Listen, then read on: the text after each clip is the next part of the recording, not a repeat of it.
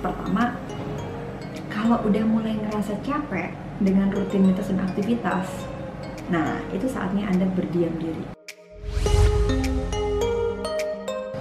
Uh, ambil nafas, rasain kok nafasnya agak sakit ya, agak kesengal-sengal ya di dada.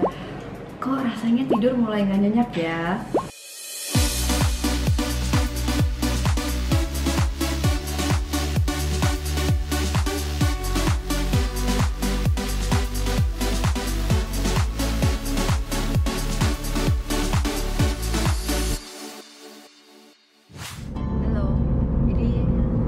Sarapan bareng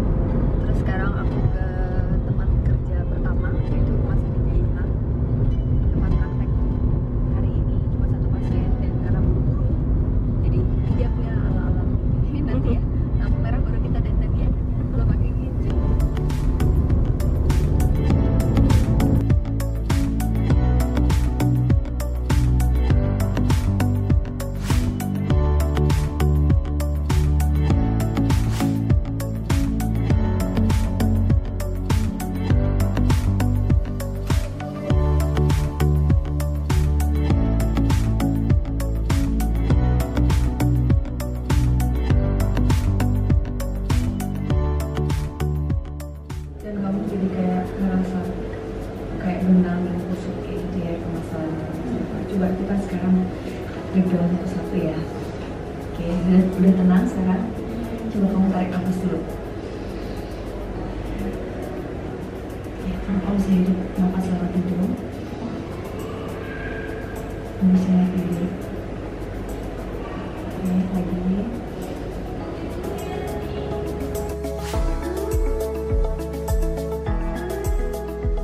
saya tahu sekarang kamu lagi dalam situasi yang kebingungan bahkan kamu bingung harus cerita kamu dari mana siapa dan gimana kamu sempat mendapat penanganan psikologis ya Assalamualaikum teman-teman. Tadi aku udah habis sesi sama salah satu pasien aku.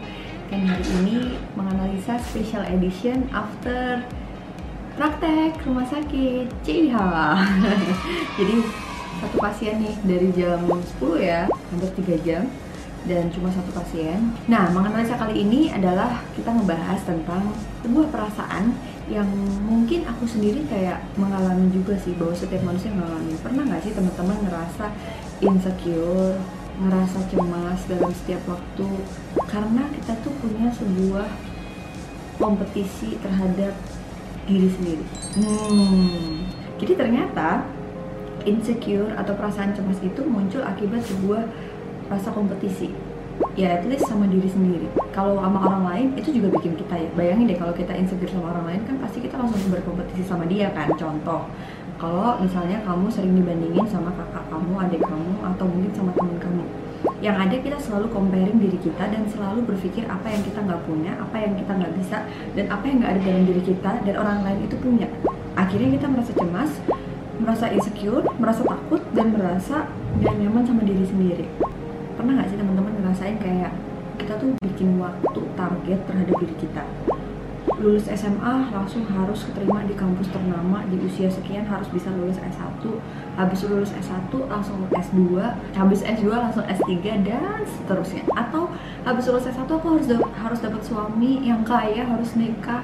Habis itu aku harus punya anak padahal sebenarnya siapa sih menentukan? Tuhan kan nah akhirnya kita capek nih dengan target-target hidup kita sendiri dan ngebikin kita tuh ngerasa insecure kalau target kita tuh meleset. Parahnya lagi ada orang yang target hidupnya udah enak banget dikasih lancar sama Tuhan tapi dia masih merasa insecure.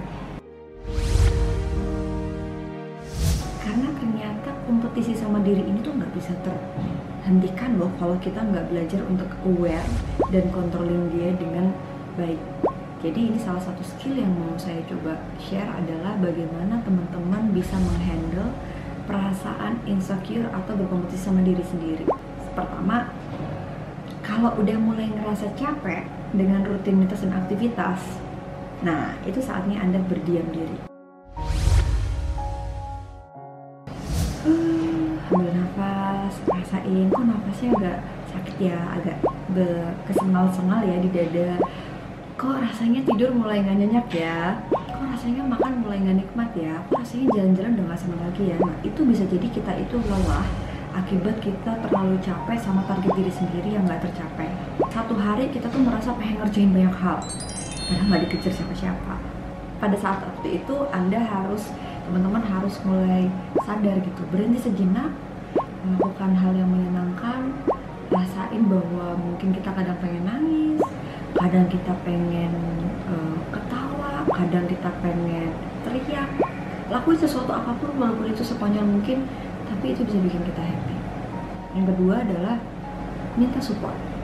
Ada orang yang tipenya extrovert dan cerita aduh gue capek banget nih gila nih ngapain ya gue kerja begini seharian begini begini ini kayak lagi burn out deh. Nah itu nggak apa-apa diekspresiin ke temen yang jelas orang itu harus tepat nggak kita diam sendiri. Aduh bisa stres kan? Kalau kamu orang yang introvert ya bisa kamu tulis di diary atau mungkin voice notes atau mungkin banyak cara kamu lukiskan. Pokoknya harus dikeluarin nih perasaan ini.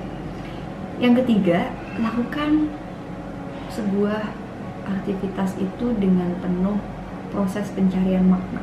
Misal nih lagi merasa lelah dengan target-target hidup diri sendiri tiba-tiba anda pengen berhenti dulu. Ingat aja reasonnya apa sih buat ngelakuin itu dan ternyata reasonnya itu buat orang lain. Kalau reasonnya buat orang lain maka ketika kita nggak bisa dapetin itu kecewa banget. Atau orang lain nggak mengapresiasi itu rasanya sedih banget. Tapi kalau membuat orang lain happy dan ternyata ada reason lain buat diri kita sendiri di situlah kita merasa bahwa kita mau sesuatu buat diri kita bukan buat orang lain. So tiga cara tadi insya Allah ini bisa bikin teman-teman mengendalikan perasaan insecure walaupun nggak bisa hilang ya. Tetap ada loh ya. Tapi ingatlah bahwa itu mungkin cara Tuhan untuk mengingatkan kita supaya kita nggak sombong di mata dia. Karena nggak ada orang yang sempurna. Kalau kita sempurna kita lupa sama pencipta kita. Ini aja kita lupa kadang-kadang ya kan? Oke sekian menganalisa sampai jumpa di analisa berikutnya